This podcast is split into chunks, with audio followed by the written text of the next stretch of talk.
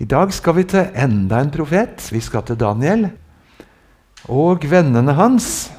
Og Kanskje er det noen som ser Daniel og tre venner på bildet der. Jeg håper noen ser en til. For jeg tror nok Daniel ville synes at vi så litt lavt på det hvis ikke vi løfta blikket og så hans beste venn høyere på bildet enn enhver god kamerat. En Daniel som stoler på sin herre. Før det så har jeg veldig lyst til kort å minne om at det er bare halvannen uke til det er UL. Hvor mange her er det som noen gang har vært på et UL? Tre fjerdedeler. Hadde jeg våget å spørre hvor mange som har gode opplevelser fra UL, så tror jeg det hadde vært nesten like mange. Fryktelig trist med en hel generasjon som skulle miste UL. Og så har noen virkelig satsa hele forsommeren nå på å likevel få til et slags uhell. Virtuelt. Det blir ikke det samme. Men det kan bli noe godt av det også. Og hvis vi som er her, passer på om halvannen uke å sette det på der vi er, og minne noen av våre, spesielt unge, om å bruke det, så kanskje Gud kan få sagt noe til noen i en tid som mange kaller tørketid. Så har jeg lyst til å minne om at dere alltid er velkommen til Fjellhaug. Og jeg er sikker på det, Morten, at de er velkommen til Fjellheim også. Både med bønn, med gave og for å studere. Og jeg har lyst til å si, hvis noen av dere kjenner noen som litt ute i august likevel står litt på bar bakke fordi det ikke ble som de trodde, så vurder om dere vil komme f.eks. til oss på Fjellhaug. Jeg er gammel nok til å ha sett at noen som kom en uke inn i skoleåret, ofte har vært de som fikk aller mest ut av noen ting, og som ofte ble med videre i misjonen.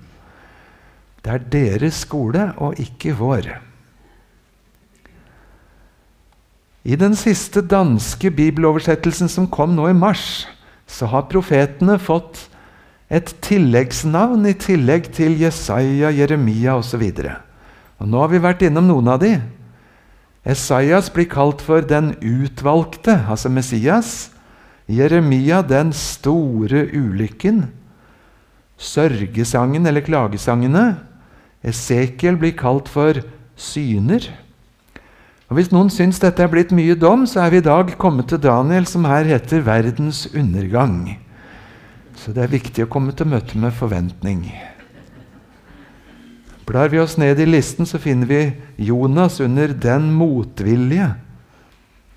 Og vi finner Amos over overskriften 'Dommen over urettferdighet'. Daniel introduseres med en notis om storpolitikk. I det tredje året da Jojakim var konge i Juda, kom Nebukadnesar, kongen til, i Babel, til Jerusalem. Han beleiret byen. Kongen sa til Aspenas, hoffsjefen, at han skulle hente noen israelitter som var av kongeett eller av fornem familie.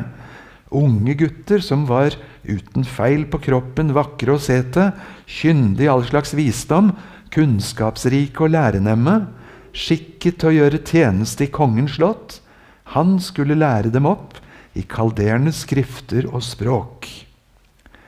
Han skal altså ha eksperter som er opprinnelig fra alle de nasjonene som de nå gjorde til sine kolonier. Og så blir Daniel og noen brutalt tatt ut av familie, deportert til et annet land, satt i barnearbeid. Heller en utvekslingsstudent, vil jeg mene.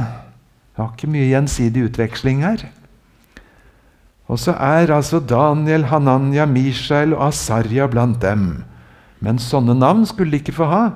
Så hoffsjefen ga dem nye navn. Daniel blir Beltsasar. Og så blir det nye navn på de tre vennene. Det er ikke så sjelden jeg ser noen utrope Daniel til å være en teltmaker. Og det gir en viss mening. Altså en fra Guds folk som er i tjeneste et sted der få kjenner Gud. Uten tittel av misjonær. Sånn som Paulus var en teltmaker mens han var misjonær. Josef er ganske i samme kategori. Han ble vel landbruksminister eller forsyningsminister i Egypt, kanskje. Daniel ble nummer tre i riket. innenriksminister og mye annet.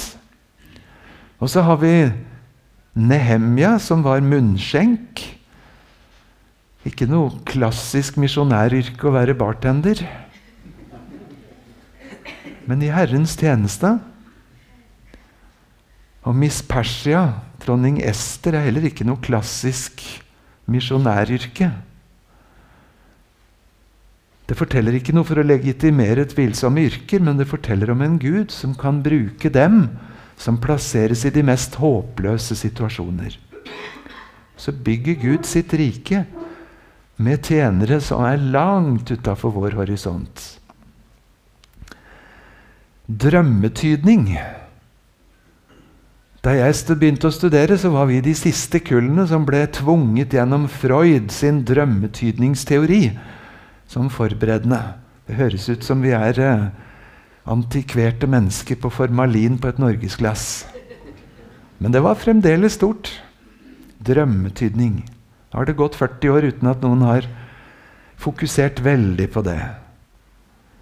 I det andre året, da Nebukadnesar var konge, hadde han drømmer som gjorde ham urolig. Til sinns. Han fikk ikke sove. Og Så er det en leteaksjon. Hvem kan tyde drømmen? Han vil ikke engang si hva han har drømt. Men mysteriet ble åpenbart for Daniel i et syn på natten. Og Daniel velsignet himmelens Gud, tok til orde og sa:" Velsignet er Guds navn fra evighet til evighet. Visdommen og styrken er hans. Han lar år og tider skifte. Han avsetter konger, og han innsetter konger. Han gir de vise visdom og de forstandige forstand. Og Det er ikke så lite av en nøkkel til Daniels bok. Gud er en som avsetter konger, og som innsetter konger. Det våget Daniel å si, enten det passet eller ikke den regjerende majestet. Det du så, konge I synet så du en kolossal statue den var stor og strålte sterk. Den sto framfor deg, den så skremmende ut. Øverst var hodet av gull, og så var kroppen av sølv og kobber, jern og leire. Kanskje noe slikt. En kolossal figur som representerer et stadig svakere imperium. Det som begynte som gull, skal være sølv, skal være bronse, skal være jern men føttene er av leire. Og hvor mye klarer leire å holde statuer oppe når fukt og vær og vind begynner å ruske i det? Ditt rike skal gå til grunne, og de som kommer etter det, skal gå til grunne. For Gud er en som avsetter konger og innsetter konger. Og så har vi et stikkord som er viktig for Daniels bok, og det er 70 år. Kanskje husker dere vi leste fra Jeremia 29, 11. Jeg vet hvilke tanker jeg tenker om dere, sier Herren. Fredstanker, ikke ulykkestanker. Jeg vil gi dere fremtid og håp. Så om bare 70 år så er nødsituasjonen over. Paradokset mellom at de ønsket seg instant satisfaction, umiddelbar befrielse, og så sier Gud 70 år. Og så er Daniel en av dem som rakk å leve i 70 år. Hvis han ble bortført da de 70 årene begynte og han var en ung gutt, så er han nå blitt en riktig gammel mann. Og så skriver Daniels bok sånn I det første regjeringsåret hans la jeg, Daniel, merke til i bøkene hvor mange år Jerusalem skulle ligge i ruiner ifølge Herrens ord til profeten Jeremia. Det var 70 år. Tenk på det. Daniel studerte Herrens ord der han var teltmaker i Babylon. Og så teller han årene. Det nærmer seg 70. Så har han ikke glemt Herrens løfter, og så begynner han å be. Herre, du som alltid er rettferdig, vend vreden og harmen bort fra din by Jerusalem, ditt hellige fjell. Fordi vi har syndet, og fedrene våre har handlet galt. Derfor er Jerusalem og folket ditt blitt til spott for alle omkring oss. Hør nå, vår Gud. Din tjener ber, roper om nåde. La ditt ansikt lyse over din ødelagte helligdom, Herre, for din egen skyld. Min Gud, vend øret hit og hør. Åpne dine øyne, se våre ruiner, byen som ditt navn er nevnt over. For det er ikke i tillit til våre rettferdige gjerninger at vi kommer fram for ditt ansikt med våre rop om nåde. Det er i tillit til din store barmhjertighet. Hører du den ydmyke tonen? Og Hvis du noen gang har lurt på hva det betyr å be i Jesu navn, så får du forklaringen der i de siste tre linjene. Det er ikke i tillit til våre rettferdige gjerninger at vi ber.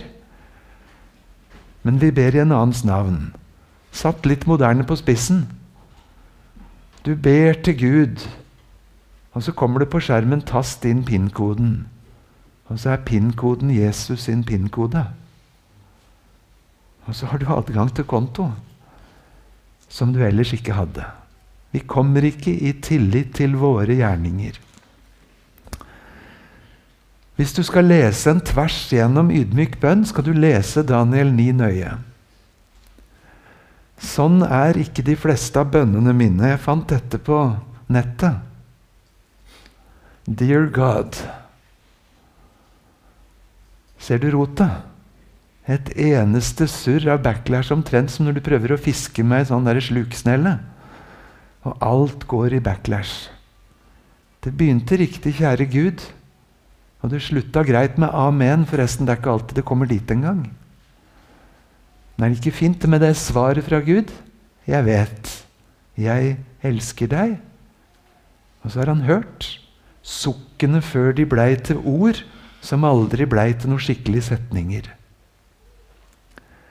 Mens jeg enda ba og bekjente min egen synd og synden til Israel, mitt folk, mens jeg bar fram for Herren min bønn, en bønn for min Guds hellige fjell, ja, mens jeg enda ba min bønn, så fløy Gabriel, den mannen jeg tidligere hadde sett i et syn, helt fram til meg. Og det var ved tiden for kveldsofferet. Han ville lære meg og sa, 'Daniel, nå er jeg kommet for å gi deg innsikt.' Med det samme du begynte å bære fram dine ydmyke bønner, så gikk det ut et ord. Nå er jeg kommet for å fortelle det til deg, for du er høyt elsket. Legg merke til ordet, så du forstår synet. Lang tid tok det fra bønnen var bedt og til himmelen registrerte.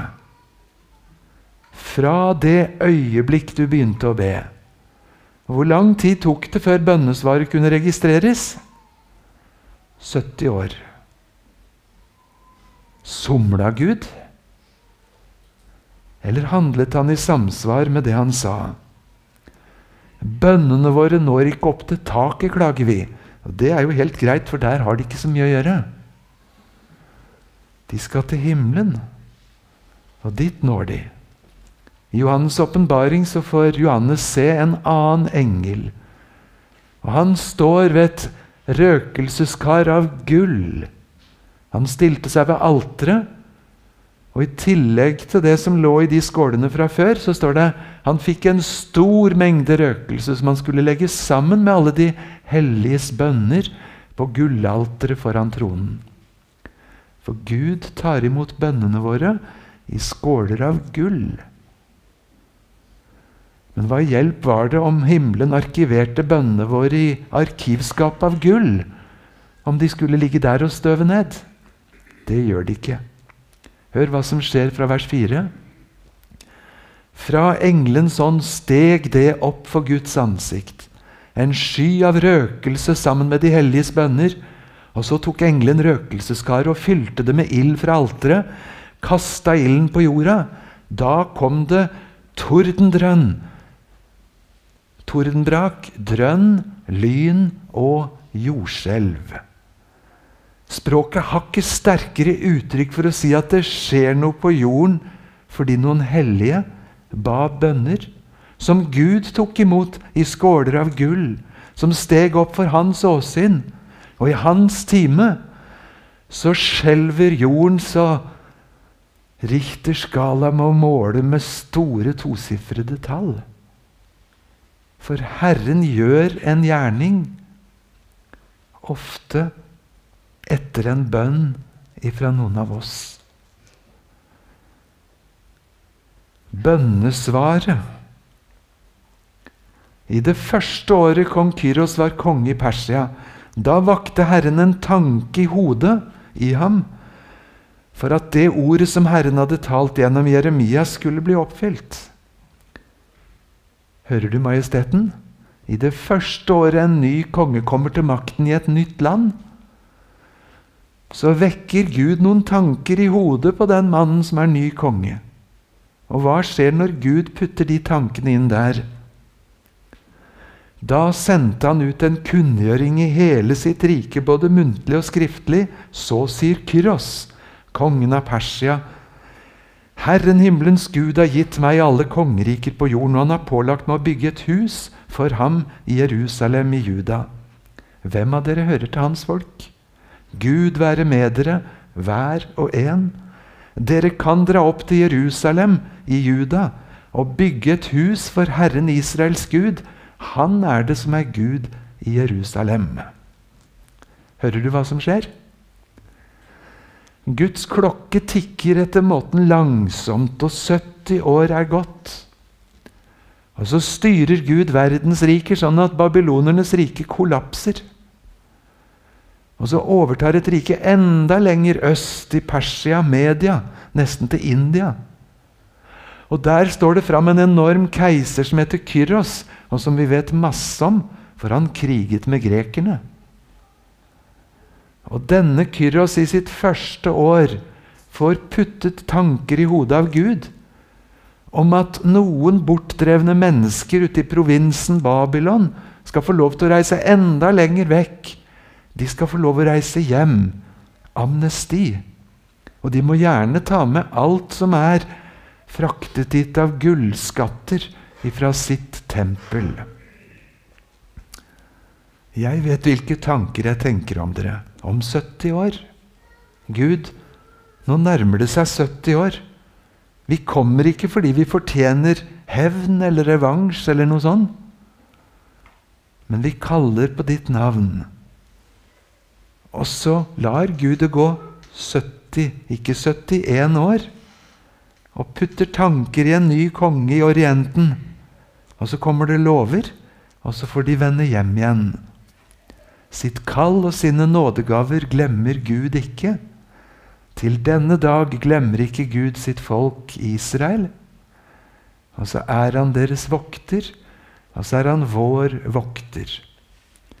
Og så inviteres du og jeg til å be om det som ligger oss på hjertet. Det hender bønnesvarene er litt annerledes. Husker dere da Israel var i ørkenen? Og de protesterte og gjorde opprør mot kosten og menyen som Gud serverte, for den var den samme hver dag i 40 år. Begynner å bli litt lei. Og så straffes de med serafslanger. Og så skjønner de at de har gjort noe galt. Og så gjør de det eneste rette. De bekjenner sin synd. De går til Moses og sier, 'Stig inn for Gud. Bekjenn at vi har syndet.' Be ham om nåde be han om å ta bort serafslangene. Og så går Moses til Herren.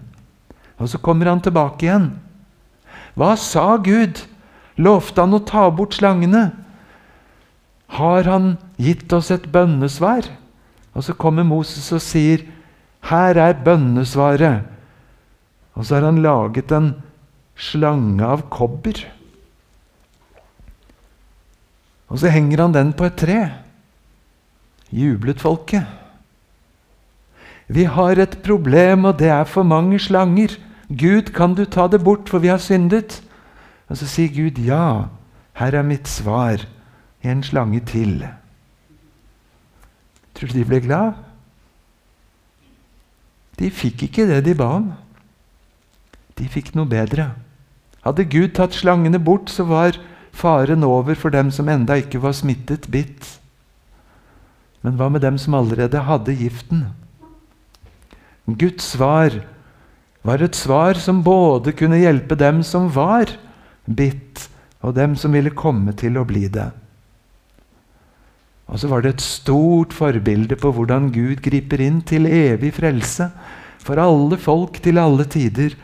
For liksom Moses opphøyet slangen i ørkenen, slik skal menneskesønn opphøyes på korset. Han som blir til frelse for oss alle. Og så er det fremdeles gyldig sånn at alle som venner seg til Han og påkaller Han, skal bli frelst. Hvis de bare har fått høre om Han. Og så er bønnesvarene annerledes. Og så er bønnesvaret så stort og så komplisert at verdenskartet skifter fra babylonsk tid til persisk tid. Jeg vet ikke om du klarer å se det, for kartet er ikke helt like. Så stort var Babylon, med sentrum langt mot øst. Mye større var persernes rike, og med sentrum enda lenger i øst, helt til India. Og så løser Gud folkets nød gjennom et politisk grep hinsides noe vi kunne forstå. Daniels bok fortsetter med å fortelle historien om Shadrach, Meshach og Abednego som var i ildovnen. Kong Nebukadnesa laget seg en statue av gull, 60 alen høy, 6 alen bred. Han stilte den opp i Duradalen i provinsen Babel. Den som ikke faller ned og tilber, skal i samme stund kastes midt i den brennende ildovnen. Så blir dette ett av mange, mange kapitler i bibelhistorien om antisemittisme. For det å tilbe en gudestatue det kunne de aller fleste folk gjøre ved siden av sine egne. Eventuelt bare den ene for en liten tid. Det kan ikke Guds folk. For det første bud heter at du skal ikke ha andre guder enn meg. Aldri lage en gudestatue. Jesus sa dere kan ikke tjene to herrer. Kanskje skal jeg fortelle en gang til historien om hvordan jeg lærte det bibelverset. Det er en lang, tåkete historie. Men det var lille Sverre, misjonærbarn, som kom til kalde nord og skulle begynne å gå på ski. Elleve år gammel, havnet i Oslo. Far min var født og vokste opp langt inne på fjellet på Dovrefjell. Han var god på ski og jakt og fiske. Jeg hadde levd i 25 år under varmen i Østen. To døtre og én sønn, og skulle, sønnen skulle vel da lære å gå på ski, i hvert fall. Døtrene var for store til at det var noe håp i det. I første omgang så laget han ski til oss, og når skituppen begynte å bli nesten flat, så kokte han trestokken så treet ble mykt, og prøvde å bende det opp. For vi hadde ikke råd til ski. Så kom dagen jeg likevel skulle få ski. Oslo Sportslager, Ullevålsveien full butikk av ski. Jeg fikk lov å gå og se på alle skattene. Ønsket meg det og det og det og det paret. Far min så på en eneste ting, og det var prislappen. Og Resignasjonen når vi sto der, han og jeg, med det absolutt billigste paret som fantes i butikken. Og bort til kassa. Og så reddet av gongongen i siste sekund. For mannen i butikken han sa til far min, 'Beklager, sånne ski selger vi bare til dansker'. Så ble det det nest billigste paret på Sverre. Og så var det opp i bakken og prøve å få orden på disse skia. Godt føre, helt sikkert. Glatt og fint, og skia de ville til alle kanter sideveis forover og bakover. Rett ned det de kalte dødsbakken. Der sto det et fint tre. Og på vei ned så kom treet stadig nærmere. Venstre eller høyre? Ja takk, begge deler. Som Homer Simpson ble spurt skal du ha én hamburger eller to. May I have both? Og det gikk helt bra med treet. Det gikk ikke så bra med Sverre. En bråstopp. Du kan ikke passere treet med én ski på hver side. Du kan ikke tjene to herrer. Går ikke an. Kommer ikke forbi. Enten så er det Gud du tjener på Guds premisser, eller så er det et eller annet annet. Dere kan ikke tjene Gud og mammon. Du kan ikke tjene to herrer. Det blir Gud i himmelen eller disse her dingsene du har laget, konge. For meg er valget enkelt. Brennende ildovn om nødvendig. Shadrach, Meshach og Abednego de svarer kong Nebukadnesar, vi bør ikke svare deg på den gang. Om den Gud som vi dyrker, han kan berge oss ut fra ovnen med flammende ild, og fra din hånd, konge, ja, så vil han berge oss. Og om han ikke gjør det, så skal du vite, konge, at vi allikevel ikke vil dyrke din Gud og tilbe gudestatuen du har reist. Hører du de to leddene? Den frimodige bekjennelsen. Vår Gud, han klarer å redde oss ifra den ildovnen du har laget. Jeg tror på Gud Fader, den allmektige, himmelens og jordens skaper. Ja visst tror jeg. Men om han nå ikke gjør det slik som vi ber han om i denne saken, så skal du bare vite at det er ikke aktuelt å tilbe din Gud. De to versene har jeg veldig mye bruk for når jeg skal be til Gud om noe jeg syns er fryktelig vanskelig. Kanskje når vi kommer sammen for å salve og be en som er alvorlig syk. Jeg kjenner på tvil, vantro, et splitta hjerte. Vi trer ikke fram for deg på grunn av vår rettferdige gjerninger eller vår klokkesterke tro. Jeg tror, hjelp min vantro. Men jeg kommer til deg. Og det vet jeg, du er mektig til å redde av ildovnen, til å redde av løvehulen. Du er mektig til å redde ut av sykdommen. Og om du likevel ikke gjør det sånn vi ber deg om nå, så kommer vi likevel på den veien du har invitert oss. Vi legger den syke fram for deg, Herre. Og For deg gjør det liten forskjell og ingen forskjell om den som ber, er svak eller sterk, om utgangspunktet er håpløst eller ganske forventningsfullt. Hvis din makt sier sånn, så er den det. Hører du for en flott trosbekjennelse fra tre unge menn? Vår Gud er mektig.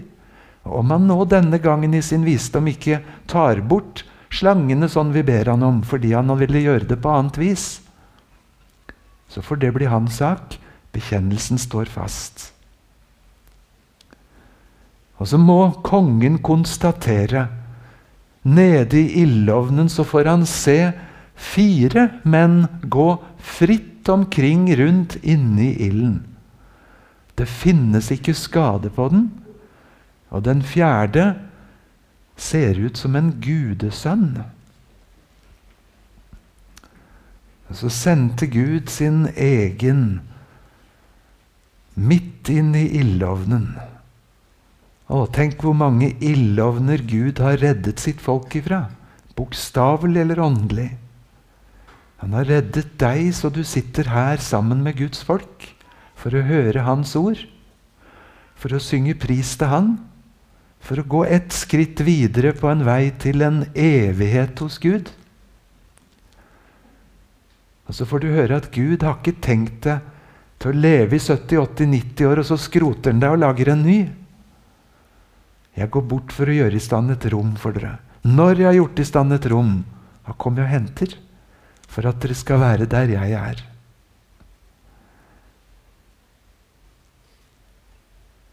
Og så kommer det nye ordre fra kongen. Da sa Nebukadnesar, velsignet er Shadrach, Meshach og Abednegos Gud, som har sendt sin engel og berget sine tjenere. De satte sin lit til ham og trosset kongens befaling. De våget livet for å slippe å dyrke eller tilbe noen annen gud enn sin egen. Nå gir jeg dette påbudet. Om det i alle folk, nasjoner, tungemål finnes noen som håner Shadrach, Meshach og Abednedgos Gud, så skal han hugges i biter, huset skal legges i grus, for det finnes ingen annen Gud som kan redde på denne måten. Det var kongens respons. Det er ikke sånn Jesus har lært oss å bygge sitt rike. Putt sverdet i slira, sa han til disiplene. Mitt rike er ikke av denne verden. Sverdmisjon, det er ikke Guds rikes vei. Det var slik hos han. Olav den hellige som strevde med noen som ikke ville slutte å blote. En oppe i dalene han slutta ikke før kongen tvang en hoggorm ned gjennom halsen på ham. Da sluttet han å blote til avgudene. Da slutta han med det meste. Kongene skal ikke herje innenlands, bortsett fra når de herjer for Kvitekrist, sto det i en av lovene. Da var det liksom lov. Det går alltid et korstog av noen som tror at de tjener Guds sak med ytre virkemidler, og så er det jo tvert imot. Svak, redd, skjelvende var jeg blant dere. Ville ikke vite noe annet enn ordet om Jesus Kristus, ham korsfestet. Så bygger Gud sitt rike der det lyder. Og I denne sammenheng så hører vi en konge som aner at han har med en sterkere makt å gjøre enn seg selv. Det burde sønnen visst. Belsazar, da han laga gjestebud og i fylla prøvde oss å få fram drikkekar som var fra det aller helligste og fra det hellige i tempelet i Jerusalem, for å skåle med sine venner i fylla og ha fest og morsomt. Og når festen i stemningen er på det høyeste, så plutselig ser de en menneskehånd som skriver tre ord på veggen. Og så blir det likbleke ansikter. Og full leteaksjon. Hvem kan tolke det som står? Panikk til dronningen vet at det finnes en Daniel. Og Daniel som kommer fram og som sier rett ut til Belsasar, kronprinsen, neste konge Du har opphøyet deg mot himmelens herre. Det er en modig profet. Du har opphøyet deg mot himmelens herre. Og De ordene på veggen, det var mene, mene, tekel, ufarsin eller peres. Betyr Tellet har Gud ditt kongedømmes dager, og han har gjort vei, ende på det. Og veiet er du på en vektskål, og du er funnet for lett. Og det siste ordet delt er ditt rike, og blir gitt bort til erkefienden i øst, til mederne og til perserne. Det er dommen over deg du som opphøyet deg mot Gud. Våg å stå som Daniel. Våg å stå fram og si det som det er, i en løvehule. Siden så prøver da har det gått en del år. Ministre, satraper og andre å anklage Daniel av sjalusi. Og Hvis vi tar historien i sjumilssteg vi finner ikke noe å anklage Daniel for, med mindre vi finner noe hos ham som angår hans religion. Og så lager de et påbud. Hver den som i løpet av 30 dager ber til noen gud eller menneske unntatt til deg, konge, skal kastes i løvehulen. Men Daniel, når han får denne skrivelsen, så gjør han som alltid. Tar det med seg inn på rommet sitt og åpner vinduet mot Jerusalem og så bretter han ut denne forskriften, og så ber han til sin Gud. Og legg merke til hva det står. Han falt på kne for Gud med klage og bitre rop. Står det det? Han falt på kne for Gud med bønn og lovprisning. For sånn har han alltid gjort. Og så kan ikke engang en potensiell dødstrussel kneble lovsangen. Her er et veldig spesielt bilde fra Fjellhaug. 17. mai 1942. Forbudt å feire 17. mai og flagge. Nazistene har krevd flaggforbud. Ingen feiring. Dette bildet er inne fra misjonsskolebygget vårt på Fjellhaug. Til venstre ytterst i bildet sitter far min. Og så er det medstudenter og lærere. De feirer 17. mai, og de har funnet det største fjellaugflagget. Og de trasser kongens eller Hitlers forbud og tar bilde av seg selv sammen med flagget i 17. mai-feiring. Men du ser alvor i ansiktene. Det var en på gangen av dem som ble tatt av tyskerne og drept. Han prøvde å hjelpe noen over grensen til Sverige. Flere ble dømt til døden, men på merkelig måte reddet. Daniel ble berget fra løvehulen. Historien har vi kanskje med oss fra søndagsskolen.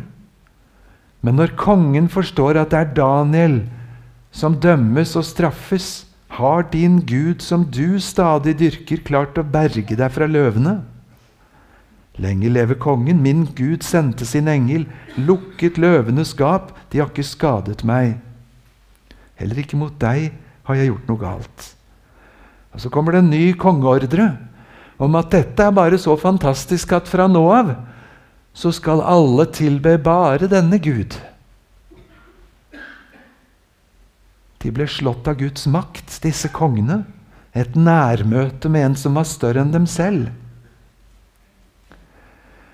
Og så fortsetter Daniels bok med spennende profetier om det ene riket etter det andre som skal komme. Om det store vendepunktet når kartet snus fra øst til vest. Det står fram en Aleksander den store, som langt oppe i Makedonias høyland får kommando over Hellas og tar Tyrkia og hele Midtøsten og like til India og langt innover mot Kaukasus. Bibelen har profetert om han. Flere verdensriker skal det komme, billedlig talt i skikkelse av forskjellige dyr.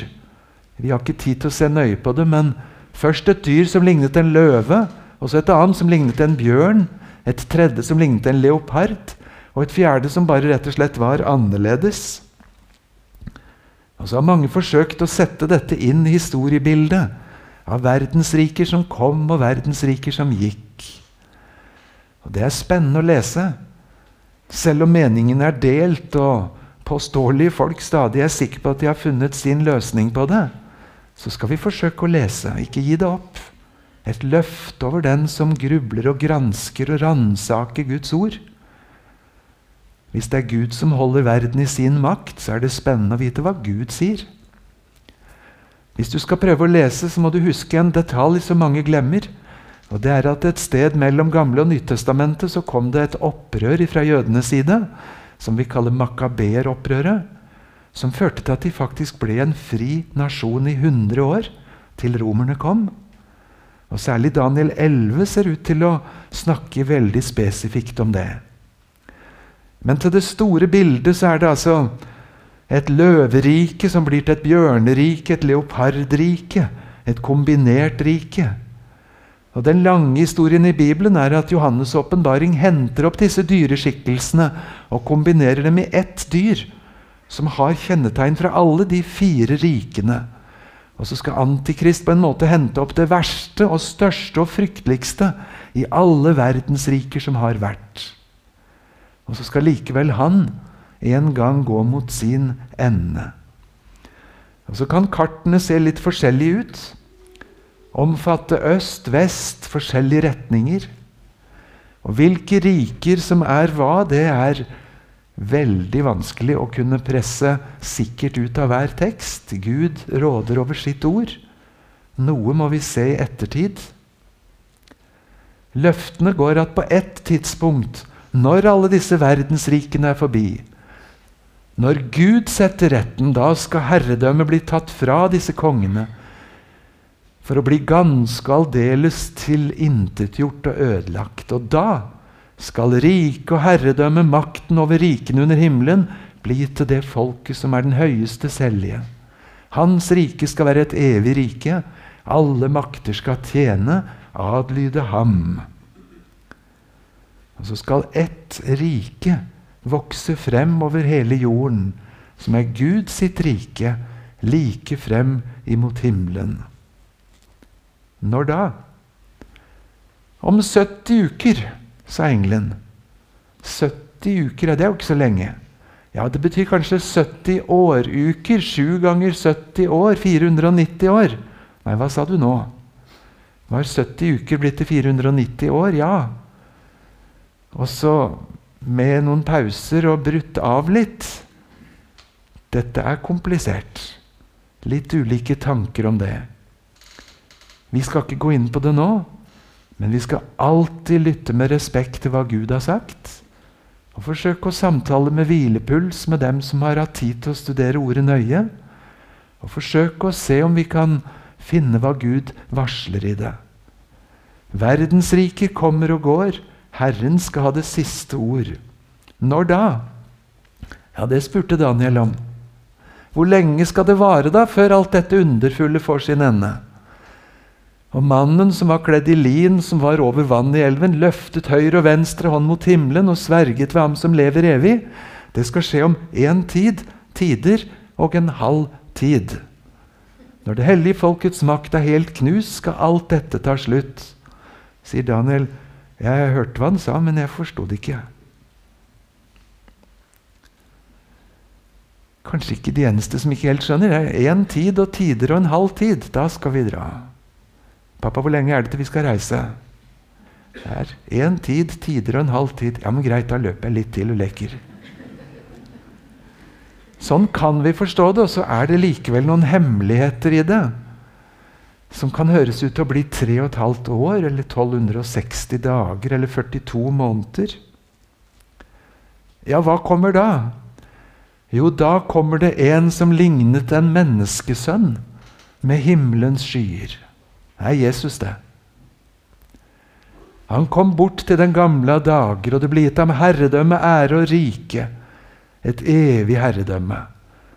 Og Når Jesus skal forklare hvem han er, så bruker han det ordet 'menneskesønn', som en gang skal komme tilbake igjen på himmelens skyer. Og så skal han regjere over alt og alle. Og så gir han sin misjonsbefaling.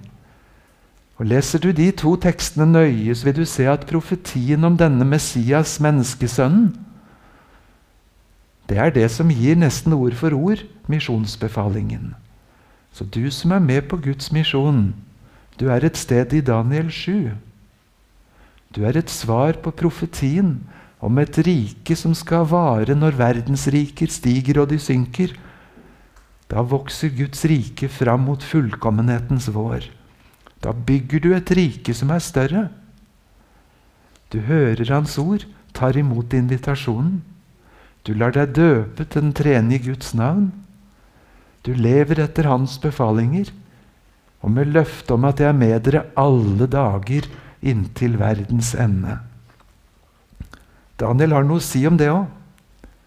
I siste kapittel så står det om på den tiden skal Mikael stå fram, den store fyrsten som verner om ditt folks barn. Da skal det komme en trengselstid som det ikke har vært fra den dagen noe folkeslag ble til, og til den tiden. Men på den tiden skal de, alle de av ditt folk blir frelst, som finnes oppskrevet i boken, i livets bok. Og de mange som sover i jordens muld, skal våkne opp noen til evig liv, noen til skam og evig avsky. Jeg tror på Den hellige ånd, en hellig allmenn kirke, de hellige samfunn, kroppens oppstandelse og det evige liv. En dag skal Gud plukke ut av graven, vekke opp noen til evig glede, andre til skam og evig avsky. I går hadde vi teksten fra Esekiel, hvor profeten får se utover på den derre dalen fylt med knokler av knusktørre menneskerester som var røska i fillebiter borte fra hverandre. Kan disse benene begynne å leve? Går det an, det? Nei, det går egentlig ikke, men du vet det, Herre. Ja, men tal profetord, så skal det skje. Og så legger knoklene seg sammen til intakte skjeletter. Og så vokser det hud og hår, kjøtt rundt deg. Og så gir Gud skapelsens under med livets pust en gang til, og så står de opp på sine ben. Jeg tror på legemets oppstandelse og det evige liv. Av jord er du kommet, til jord skal du bli. Av jorden skal du en gang gjenoppstå. Kan disse ben leve? Skal vi gi siste ord til Olav S. Begeren? Jeg har bladd meg bakover i Utsyn 100 årganger, og jeg finner så mye spennende. I 1921 så skriver gamle tippoldefar Spegeren, Olav, ifra langt inne i Kina om et møte. Han sitter og hører på en samtale mellom evangelisten og folket som er der. En 85 år gammel mann. Hvor høy alder har du oppnådd? 85. Oi. Hvor langt er det igjen av reisen? Og så svarer den gamle mann, Å, det kan nok ikke være så svært langt. Ja, hvor bærer det så hen? Den gamle nølte litt, men så kom det tungt og overveiet. Det bærer nok til pinestedet, de gi. Jeg syns jeg kjente hvordan det støkk i en spent, lyttende forsamling. Den hadde vel ventet et annet svar, noe om dødsriket, eller jeg vet ikke. Det var et ærlig svar, sier evangelisten. Hvordan tror du? Hvordan tror du det er der? Å, der er det ikke bra. Gruer du ikke ved den tanke? Det er uunngåelig. En kunne høre den håpløse resignasjonen i svaret. Jeg finner så likevel ingen vei utenom uunngåelig? svarte evangelisten med ettertrykt. Jeg skal fortelle deg hvordan. Og så, sier spegeren, så fulgte en klar og kortfattet fremstilling av Guds frelsesplan ved Jesus Kristus. Og så fikk den 84 år gamle kineseren evangeliet om det evige liv, legemets oppstandelse. Og så gikk mannen frelst hjem. Det er jo uunngåelig med døden. I desember så døde mor min. Hun var 100 og et halvt år gammel. Ved begravelsen så fikk jeg en veldig fin hilsen. Det heter ikke ved livets slutt. Det heter ved dødens slutt.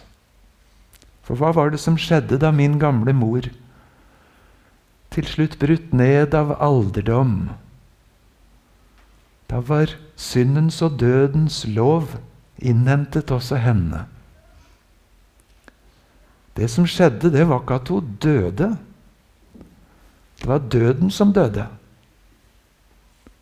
Den som tror på meg, om han enn dør, skal han leve. Derfor skal vi ikke sørge som de som ikke har håp. Derfor så bekjenner vi i Kirken legemets oppstandelse og det evige liv. Gud skapte ikke deg til å leve 90 år og skrotes. Gud skapte deg til evig liv. Gud i himmelen har til hensikt å dele evighet med deg.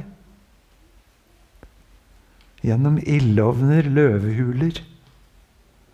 Når verdens riker stiger og de synker, går Kirken mot fullkommenhetens vår.